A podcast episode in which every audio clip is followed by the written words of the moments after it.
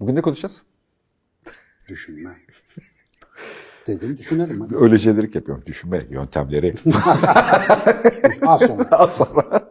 Ben, ben bunun bu kavramı kendi hayatımda belki bir 10 senedir düzgün bir şekilde tanıyıp, tanımlayıp oturtturmakla alakalı çaba sarf ediyorum. Biliyorum. Bundan 3 ya da 4 yıl öncesinde ya bak benim elimde şöyle bir şey var diye sana anlattım. Sen beni böyle bir, bir tokatladın şeyle alakalı. Yo tam anlatmadın, hızlı anlattın. Bugün anlat işte neyse. Millet de duysun. bir şeydi. Açılın Çünkü bir şey bir şey sezi sezinleyip bir tanım ya da kavram oluşturmaya çalışıyoruz. Bir, bir akademisyen gibi de çalışmıyoruz. Çalışmıyorum arka tarafta. Sadece ben hani belli örüntüleri kovalayıp örüntüleri sohbetine açıyorum e, şeyde. Hem bilgi yetersizliği hem yöntem yetersizliği zafiyet oluşturuyor. Haklısın. Ancak sana nazım geçiyor konuyla Ama şey alakalı. yani abi bu işin bir oturmuş tek bir metodolojisini bulamazsın ki zaten. Üçün üzerine sohbet edilecek bir şey. Evet. Yani bence her düşünme, düşünme üzerine düşünme kıymetli, rahmetli Kant'ın da belirttiği gibi. Yani esas bizi geliştirecek olan şey ara ara kendi düşüncemiz üzerinde bizim yaşayacağımız aydınlanma. Ha demek ki ben bunu bundan yanlış düşünmüşüm ya da şöyle daha doğru düşünebilirim gibi. O yüzden çok kıymetli bence bunu sürekli konuşmak. Düşünmenin bir şey tarafı var. Yani bence bir kas gibi belli beceriler ya da yapıları geliştirmek gerekiyor. Yani Livaneli Yaşar Kemal'le alakalı söylüyordu. Çok haklı bulduğum bir durum. Yani Naim Süleymanoğlu'nun kaldırdığı ağırlığı ben de kaldırırım abi diyebiliyor musun? Diyemiyorsun. Yani gerçekçi değil mantık olarak. E, ben de şunun gibi düşün, benim de bir fikrim var dediğinde kötü bir şaka yapıyorsun. Ora, oranın da bir kas geliş bitirmişliği Bugün var. böyle dört tane mail aldım. Hocam bir fikrim var ama size muhakkak yüz yüze anlatmam.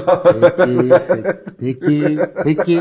Ben onun için zaten Yani e, işte Pelin Dilara'nın bir bir konuyu nasıl düşüneceğiyle ilgili ele aldığı metodolojiyle e, bir bir vasatta kendim üzerimden söyleyeyim herhangi bir konuyu düşünmedeki beceri aynı yetkinlikte değil. Kız oturmuş eşek gibi çalışmış konuyu nasıl düşünülebileceğiyle alakalı metodolojisiyle kas geliştirmiş. Ya ben onun kadar hızlı koşarım demek kadar saçma oluyor. Ben Ee, bu arada Pelin Dilara Çolak'ın Dilozof'un, eski adıyla Dilozof'un şu e, sanat eserlerine karşı saldırı düzenleyen gençlere dair düşüncelerini nasıl değiştirdiğini anlattığı videoyu ne olur izleyin. Bak düşünmeyle alakalı çok enteresan bir şey. Yani hakikaten öyle geliyor ama sonra şöyle yapınca da öbür türlü de gelebiliyor. İşte bu kıymetli olan düşünme metodolojisi. Bence Pelin'e buradan bir daha teşekkür ederim. Hakikaten çok güzel video. Bu arada bu videoyu çekebilmek de hani hakikaten biraz cesaret ister. Önce böyle düşündüydüm ama sonra şunu fark ettim herkes diyemez onu. O da olgunluğun işareti. E, bu da işte değişen yeni kültürün tavırlarından bir tanesi. Öğrenmeye eşlik etmeyi bi- biçimleyebiliyor. E, bunun bir kas yani bir e, öğrenilen öğrenilmesi gereken bir şey olduğunu, düşünmenin bir konuyu düşünebilmek için gerekli yöntemlerin e, öğrenilecek bir şey olduğunu bir kenara koyalım e, bir şeydi. Bir de bunun haricinde herkesin kendi kültürel hikaye dokusu üzerinden geliştirdiği e, yöntemleri olduğunu fark ediyorum ve bu yöntemler birçoğumuzda da ortak. Çünkü kimliksel ortaklıklara dayalı. Aynı coğrafya, aynı doku. E, bunun şakasını sıklıkla yapıyorum. Yani eğer çocuklukta büyürken sen Keloğlan hikayelerinde ağacın altındaki saklanmış hazine öyküsüyle büyürsen bu senin kültürel dokun seni yetişkin olduğunda düşünürken ki kullandığın metotta fırsatlara yatkın bir zihinle bir şey düşünmeni sağlar. Senin dışındaki fırsatlara. E, Elbette e, yani senin ürettiğin bir alana ya da bir şeyi biriktirmeye ya da pişirmeye dayalı değil. Hani bir deneyelim daha kumarsı bir yaklaşımla iş hayatına bakmanı sağlar yapılan Çıkarsa. çıkarsa. Ya da mesela çok sıklıkla sınıf atlama çabasının içerisindeki olan toplumlarda karşımıza geliyor. Senin dışındaki herkes aslında senin düşmanındır dokusuyla tüm Türk dizileri böyle bir içerik barındırıyor kendi içinde. Devamlı bu öykülerle beraber büyürsen bu öyküler seni öyle ya da böyle çelişki yaşadığın, boşluğa düştüğün her yerde hem yalnız tutan hem de yöntemsel olarak onların gi- gi- gizli olarak onlarla örgütlenemediğin, düzgün bir ortaklık kuramadığın, bir ekip oluşturamadığın bir formun içerisine getirir. Şimdi ben bunu sorunları görüp geriye dönüp baktığımda kişinin hangi yöntemde nereye tıkandığını görerek Geçen gün sohbet ediyorduk bir arkadaşla beraber. Mesela şey senin benim yaşadığımız şey. Taşra kökenli insanlar borçlanma duygusuyla nasıl baş edeceğini bilemez. Bu bir yöntemsel durumdur. Evet. Tamam mı? Borç yani ben sana şöyle Gereksiz minnettarlık, Aynen öyle. borçlanmayı yönetemem. şöyle bir durum oluşur. Senin acık sıkıntılı bir zamanda sana herhangi bir konuyla ilgili yardım edeyim. Sen ömrün boyunca bana kendini borçlu hissediyorsun. Ve bu borç da yüke dönüyor. Yani sırtımızda ta hepimiz o sırtımızda taşıdığımız bir yükle devam ediyoruz. Ben istemiyorum desem bile o senden gitmiyor. Gitmiyor ama bunu baştan organize ederken bizim kültürümüz aynı zamanda iyiliğe açık olma, iyiliği alma bilmem ne gibi de bir sürü şey. Bir yandan borçlanıyoruz. Bir yandan o borcu nasıl ödeyeceğimizle alakalı bir kültür oturtturamıyoruz ya da davranış oturtturamıyoruz. Ben bunu hani sen şey diye tarif ediyorsun ya neuroscience'da. E, nöronlar bisiklet kullanmayı öğrenirken oradaki yaşadığımız çelişki ve tecrübelenme, ritmik tekrar ve benzeri faaliyet bizde nöronların bir harita, bir yol e, organize eder. Sonra bisiklet kullanmanın haricinde bunu bisiklet kullanma bilgisini de kaldırdığımızda o yol orada hala durur. Biz başka bir şey içinde o bilgiyi kullanırız. O hattı kullanırız. O yüzden Başka yabancı de destekler. e, yabancı dil öğrenmek, bir müzik aletini çalmayı öğrenmek gibi öğrenmeler bizde sadece müzik aletini çalma becerisi, kültürel faydası değil, onu öğrenirken ki nö- nörolojik ağımızın başka konularla da alakalı düşünürken bizi kabiliyetli kılmasını, kolay hızlı ilerlemesini sağlar. Bunun gibi kültürel anlamdaki az önceki söylediğim bu dokusal değerlerin, duygularımızı etkileyen dokusal değerlerin e, bizim şimdi verdiğimiz kararlarla alakalı bilgi almanın yetmediği, yöntemimizde tıkandırdığı bir duruma dönüştüğünü düşünüyorum. Azıcık karışık oldu ama. e, Yok yani şey- ba- bazı yetenekler bizi iyileştirip başka işlerde de daha iyi yaparken bazı kalıplarımız bizi başka işlerde de tıkıyor. Sadece orada bizi ömür boyu kitlemekle kalmıyor. Hayata dair düşünürken, karar verirken de tıkaçlar yaşamamıza sebep oluyor diyorsun. e, sebep oluyor ya da bazılarını avantaja dönüştürmek mümkün oluyor. Bu yöntemi baştan farka yani bilgi Fark toplamayı fi- bilgi toplamakla değil de buna hangi yöntem o bilgileri hangi yöntemle istifleyip kullanacağımıza dair de çalışırsak biçimle kendimizi böyle biçimlendirsek ben buna düşünme yöntemi eğitme diyorum yani e, bir şeyde.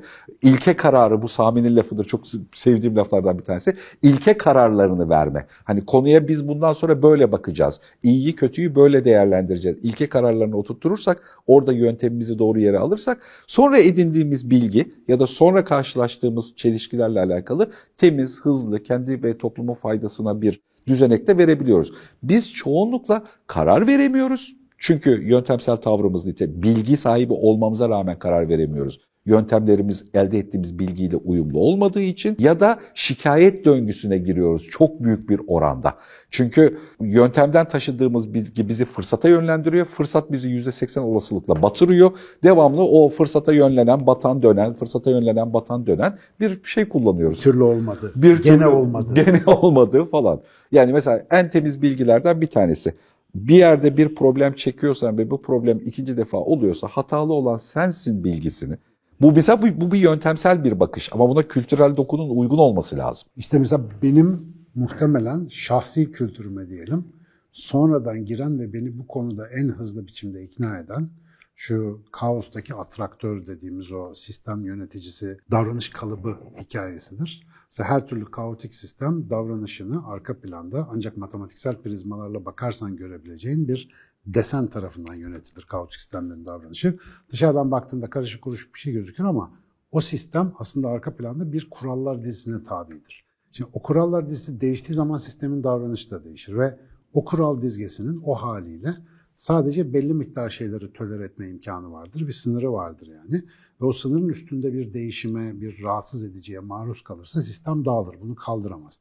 Ama eğer daha önceden yeni gelecek o değişim ya da rahatsız edici faktörü içinde eritecek ve kullanacak derecede kendini olgunlaştırma fırsatı olmuşsa yani atraktörü, çekeri genişlemişse sistemin, kuvvetlenmişse o zaman yeni gelen uyarı onu yıkmaz. Tam tersine ona katılır. Onu daha güçlü bir hale getirir, daha sağlam hale getirir. Yani seni öldürmeyen seni güçlendiririn kaos teorisindeki hali. Şimdi mesela ben sıklıkla kendi hayatımda bunu yapmaya çalışıyorum. Yaş kemal erdikçe daha kolay oluyor bu arada. Eskiden daha zordu ama e, geçenlerde işte uzun süre itiraz ettiğim bir şeyle ilgili bir toplantı yapıldı. Mesela toplantıda ben o şeyi nasıl anladığımı prezent ettim. Arkadaşlardan biri dedi ki hocam ben böyle bilişsel esneklik görmedim. Ama dedim anladım. Yani yapacak şey anlayınca anlarım ama beni biraz yalnız bırakacağım mesela. Onu, onun üzerine acık yatacağım, kalkacağım, kafamda dönecek. Ve o zihniyeti değiştirmek için güçlü bazı metaforlara ihtiyacımız var. Benim güçlü metaforum bu kaotik atraktörler. Ben kendi kendi davranışlarımı yöneten kurallar silsilesini devamlı izleme alışkanlığı geliştirmeye çalışıyorum. Mesela bu durumda niye böyle yaptım? Ya da şu durumda niye bunu yapmadım? Şimdi düşünce içe döndüğü zaman abi çok geliştirici bir şey.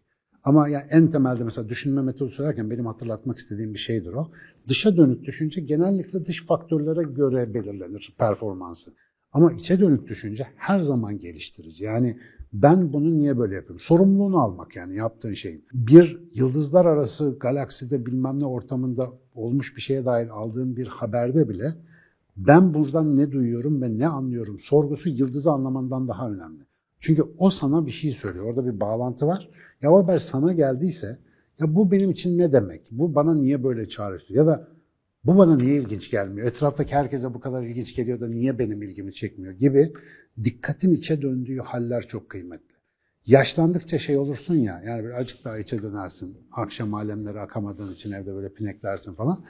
O tip alanların kıymetini bilmek lazım. Oralar bir kere bakışı içeri çevirince o senin bahsettiğin zihniyet kalıplarını biraz da anlamanı kolaylaştırıyor. Ama demin söylediğim mesele çoğu zaman hayatta bu kadar beklemeyi kaldırmıyor. Yani acil ihtiyaçlarımız var, karar vermemiz lazım. Tam orada işte böyle koçluk vari, mentorluk vari ya da bilgece yoldaşlık yaptığın dostlarınla yaptığın sohbetler gibi zamanlarda senden başka zihinlerin sana bakışıyla görünüyor aslında. Bir de böyle bir şey var. Başkasından gelen bir şeyi değerlendirirken de yine içe bakışçı dikkat gibi onun söylediğinin bana ders olabilecek tarafı neresi? Şimdi koçlukta bunu profesyonel olarak nasıl yapıyor insanlar? Senin normalde kendine sormadığın, sorsan da cevabı yüzde yüz savsaklayacağın bazı soruları gündeme getiriyorlar sadece. Sana onu sordurtuyorlar aslında. Şimdi sen onu sorduğun zaman devamlı o kısır kaotik döngüde çok işe yaramayan düşünce yönteminden mecburen dışarı çıkıyorsun geçici bir süreliğine.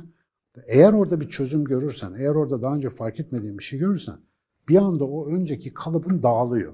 Diyorsun ki lan bundan çalışmış. Demek sorun benmişim diyorsun yani.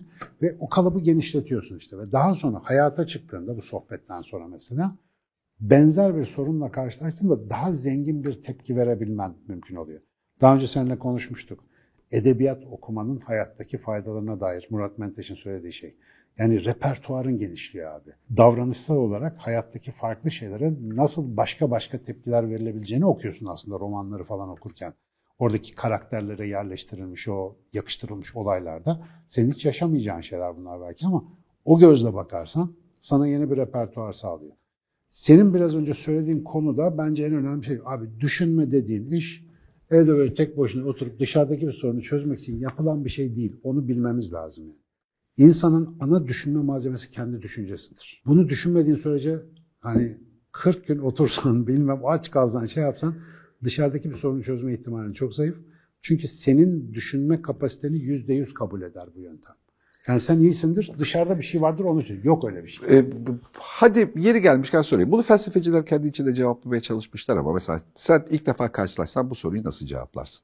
Sence genel olarak insanlar için düşüncenin konuları ne olabilir? Problemlerdir abi temelde. Yani ilk etapta söyleyebileceğim şey bu. Bir beklenti dışı bir durum vardır. Onun nasıl halledileceğiyle dair. Mesela yemek olmayan bir yerde acıkmak da böyle bir şeydir. İşte gittiğim bir yerde arabanın bozulması da öyle bir şeydir. Ne bileyim kariyer endişesi de, çocuğun durumu ne olacak da. Ya bütün bunlar belirsizlik en büyük problem zaten bir önüne çıkan bir problemi çözmek için alternatifler arama işiyle ilgili gibi gözüküyor bana. İlk başta yani düşüncenin ana malzemesi bu. Bence çok da sağlıklı yaklaştın konuyla alakalı. İnsanların önemli bir bölümünün temel problemi kendi benlikli varlıklarının devamlılığını korunmayı, beslenmeyi, devam edebilmekle ilgili. O yüzden öncül olarak bencil düşünce diye tarif ettiğimiz evet. kendimizle alakalı problemleri ilk, cevaplamayı yani hayvani istiyoruz. aşaması bu değil.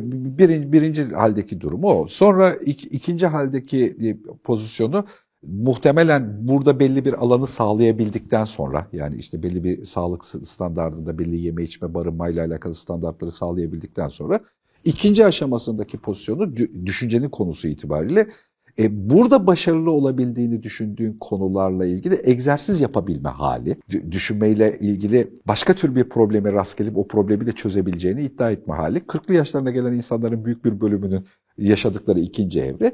Bir de son aşama hali, o da hani bilgece düşünme diye tarif edebileceğimiz bir mevzu. Tüm insanlar için, tüm zamanlar için oluşabilecek genel problemler üzerine düşünme. Bu arada genel felsefeciler de kabaca böyle tarif etmiş zaten. Evet. Bencilce bir şeyi düşünme, kendi özeline dair. Sonra ikinci aşaması, sonra üçüncü aşaması. Biz masada, mesela yöntemsel bir şeyde, masada bir şey konuşuyorken çoğunlukla ikinci ya da üçüncü baremi barındıran konuyu E, birincil metotla düşünen insanlarla oturuyoruz mesela. Kavgada söylenmez. An, anlatayım. Aynen öyle. E, Çok doğru söylüyorsun. Bu cümleyi şey yapabiliyor muyuz?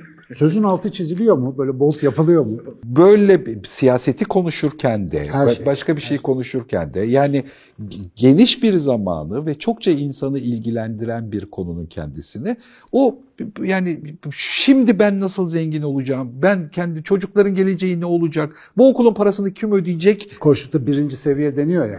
Hemen insan kendi derdine düşüyor mesela karşıdakini Evet, dinlerken. evet, evet. Ya halbuki başka bir şeyden bahsediyorduk gözünü seveyim.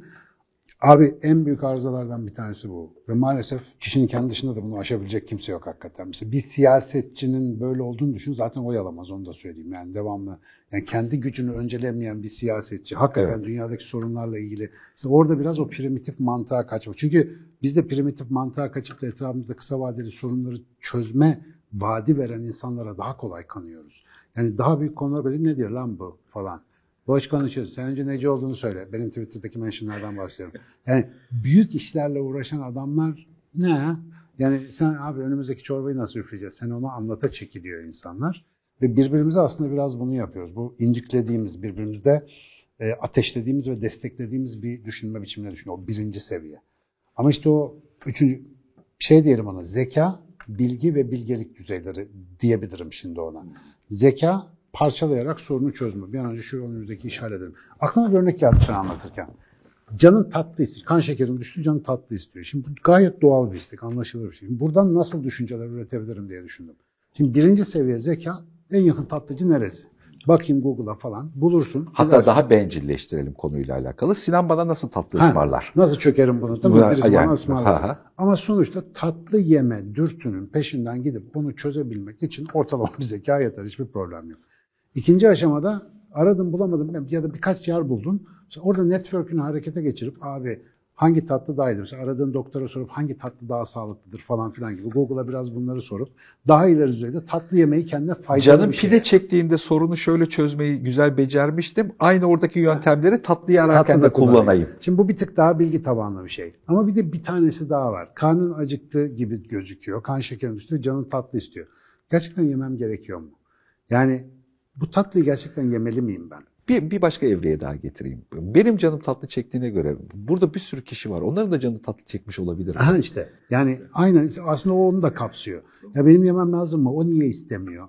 Yani neden insanların istekleri farklıdır? Ben bu tatlıyı yesem arkasından ne isteyeceğim? Aa isteklerimin sınırı yokmuş. O zaman ben melek olayım. Ha ha Aynı kafaya bu üçü de uygun. Ama sen kendini hangi yere koyuyorsan, ayağını nereye basıyorsan, elindeki sorunla ilgili düşünme yöntemin hep buna. Bir de abi, insanları bu konuda suçlamamak lazım. Çünkü düşünme bellek üzerinden çalışan bir şey. Yani belleksiz düşünme yok mesela. Belleğe dayanacaksın. Yani şu anda benim söylediğim lafı anlayabilmen için senin belleğine başvurman, benim herkes aynı şeyi yapmam gerekiyor. Heybede ne varsa algılayabileceğin o. Dolayısıyla heybeye başvurduğun zaman etrafında hep böyle tipler görmüşsen ne yapacaksın işte? Onlar gibi yapacaksın. E, dün bununla alakalı azıcık şu be- bellek hikayesine bir, bir küçük atıfta da bulundun imayı çalışırken bellekle Ha, alakalı evet, mevzunun evet. üzerine sohbet ediyorken orada da aynı şeyi düşündüm burada da. Aslında zaten böyle bir yönlendirme ya da gönderme yapıyorum bellekle de ilgili. Doğru söylüyorsun. Yani bir data, bir veri sepeti elimizde tutuyoruz. Bunu bellekte tutuyoruz. Sonra düşünme için bu belleksel yapının kendisinden gelen akış hızını, kültürel davranışı kullanıyoruz. Belki de düşünme yöntemi derken ki tarif tarif etmeye çalıştığım şey de bu. Burada tabii iddialı cümlem şu. Böyleymiş gibi geliyor. Bunu bunu tartışmak istiyorum bir miktarda. Ben bazı yöntemsel bilgilerin edinildiğinde e, üzerimize alabildiğimiz ama bu yöntemsel bilgi bilgi almakla ilgili bir şey değil, edinmekle alakalı bir davranış. E, bizim adaptasyonumuzu ve devamlılığımızı, toplumsal anlamda organize olabilme kabiliyetlerimizi arttıracağını ve avantaj taşıyacağını düşünüyorum. Yani sorunun e, bilgi yük, abi şu kitapları oku da gel değil aslında. Orada daha çok e, aktarmak istediğimiz bize şeymiş gibi geliyor. Murat Menteş'in de edebiyatla ilgili sözü oydu. Abi şu yazarın zihnini azıcık kopyala, gör, yöntemini gör. Bu nasıl yer? Yok, yoksa onun içerisindeki verdiği data çok o, kadar değerli bir şey değil. O dataya nasıl yaklaştığı, nasıl hissettiği, nasıl biçimlendirdiğinin yöntemi. O yüzden kitap okumayı değerli buluyoruz. bir miktar ona buna dair bir şeyim var. O olası olabilirmiş gibi e, danışmanlık yaparken masada en çok buralarda rahat edildiğini fark ediyorum. Yöntemsel olarak il- ilke kararında belli ilke kararları verilince aa sonra el birden bir hızlanıyor. Her şey çok kolaylaşıyor falan. Ya da o ilke kararı verilmezse o problem hep önümüze döngüyle şikayete dönüşecek şekilde bir problem kalıbı olarak geliyor. Biyolojide sinyal algılama şeyi yolu diye bir şey var bizde. Mesela muhtemelen bu onunla da alakalı ve bana en çok faydası olan bilgilerden bir tanesi. Sinyal mesela işte ışık, ses, duysal herhangi bir değişiklik. Bunu aldığın zaman önce bu bir kodlanıyor beynin anlayacağı şekilde. Sonra bir şekilde veriye dönüştürülüyor beyninde. İşte perception dönüyor. Ondan sonra cognition diye bir bölüm var. Onu algılıyorsun. Ha tamam diyorsun. Recognition diye bir adım daha var hemen arkasından bellekteki arşivle karşılaştı. Bu neye benziyor diyorsun. Ona bir isim veriyorsun. Arkasından Bana böyle gel. arkasından ama arkasından e, action diye bir safa var. Yani işte ne diyelim ona? Signal, perception, cognition, recognition, action. Böyle gidiyor bu. Action safhası çok ilginç. Buraya kadar olan diğer bütün safhalarda senin hiçbir dahlin yok abi. Hafızanı da sen oluşturmadın, o sinyali de sen yapmadın, sinirleri de sen üretmedin. Bunların hepsi senden bağımsız çalışıyor. Action alanına geldiğin zaman işte orada iki seçeneğin var. Ya faaliyet olacak, bir gerçekten etki yapacaksın ya da tepki vereceksin. İkisi arasındaki tek fark ne? Bilinç. Bilinç varsa bir dakika ben bunu yapmalı mıyım sorusunu soruyorsan o bir etkiye dönüşüyor. Ama her gelene, gelişine vuruyorsan bu tepkiye dönüşüyor. Buradan yani tepkisel çıkışa bilinci kullanmadı mı sen işte çobanın hö deyince şu tarafa giden koyunla aynı şeyi yapıyorsun. Yani etki ne kadar komplike, aksiyonun ne kadar sofistike gözükürse gözüksün aslında sen sadece tepki veriyorsun bir etkiye karşı.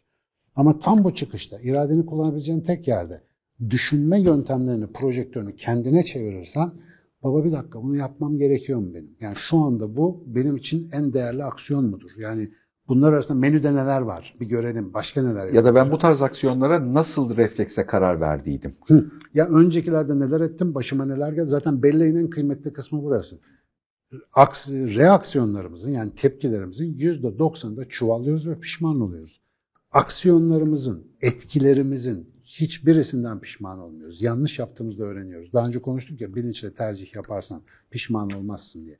İşte belki de tam o günlük hayatta odaklanmamız gereken yer gerçekte. Zihinsel kalıbın ne olursa olsun abi hiçbirimiz allame cihan değiliz ki yani Buckingham Sarayı'nda ya da bilmem ne Budist tapınağında büyümedik yani. Hepimizin zihninde arızalar var ama aksiyona geldiğimizde bir nefes alıp baba bunu söylemem gerekli mi? Ya da burada bunu yapmam gerekli mi? Şöyle yapsam nasıl olur? Bu egzersiz benim için dünyalara bedel. Çok rahat oluyor. Bir de galiba bak şimdi sen anlatırken çok enteresan bir şey keşfettim. Onu ilk defa kendi içimde de dillendiriyorum.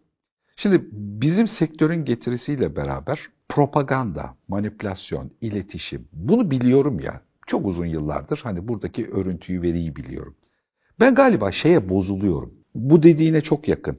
Etki tepkiye en yüksek reaksiyonu veren korkudur. Korkuyu doğru kaşırsan etki tepki reaksiyonlarını bilinç tatile hızlandırır. A- a- aynen. E, ben e, propagandayla ya da iletişimle genel anlamda manipülatif bir dilde korkunun nasıl oluşturulduğunu biliyorum. O yüzden korkana kızıyorum.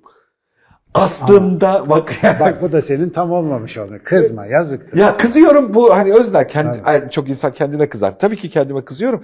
Gerçek bir kızmadan bahsetmiyorum. Sevgiye dayalı bir şey söylemeye çalıştım aslında. Yani orayı kollamak, orayı korumak yani hani orayı bloke etmek Ondan istiyorum. onu almak istiyorsun. Evet Yani evet. Korkma. Yani bu bu propagandanın mantığını biliyorum. Buna korkma demek istiyorum. Hani çok çok naifçe anlattım ama şeyi bu. Çok yani o kadar iyi biliyorum ki o hissiyatı. Yani etrafımdaki en yakın insanlar, çocuklarım, işte kim varsa etrafımda ara ara tabii ben kendimin o hallerini dışarıdan iyi göremediğim için başkalarının o halde yakalamam daha kolay.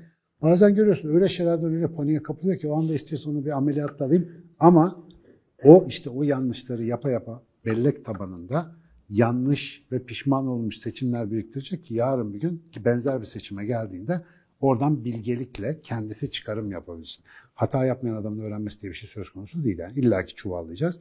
Düşünme yöntemleri arasında bence zaten en kıymetli arşiv kayıtları hatalarla ilgili olanlar. Eğer ki şikayet ederek onları savuşturmamışsan yani ben burada ne yanlış yaptım diye soracak olgunluğa gelmişsen hatalar çok kıymetli. Bir sonraki programda şu hata yapma ve öğrenme, gelecek zamanı şimdi yaşama diye tarif edeceğim bir sorun grubu var. Bunu konuşalım mı bir şeyde? Ee, Sara. Çünkü şöyle bir sorun oluyor. Az önceki konuyu bitirdik. Tatlı yemeğe gideceğiz biz az sonra belli. Yani mevzuda. Ben yemedim yalan. Çünkü şöyle bir problem var. Hata yapıp öğrenme için gerekli yavaş sistemi kaybettik. Çok gelecek zamanı şimdiye çektiğimiz bir yapı kullanıyoruz. Hata yapıp tecrübe edecek bir zihinsel kalıp ya da formülün yapısı değişiyor, manipüle ediliyor oradaki hikayede. Bunu azıcık konuşmamız lazım Sistem bir bence. sistem iki durmak. Yeni dünyanın cesur insanı. Geliyoruz az sonra. E, durmak haricinde bunu fark etmek için de bir zemine ihtiyaç var.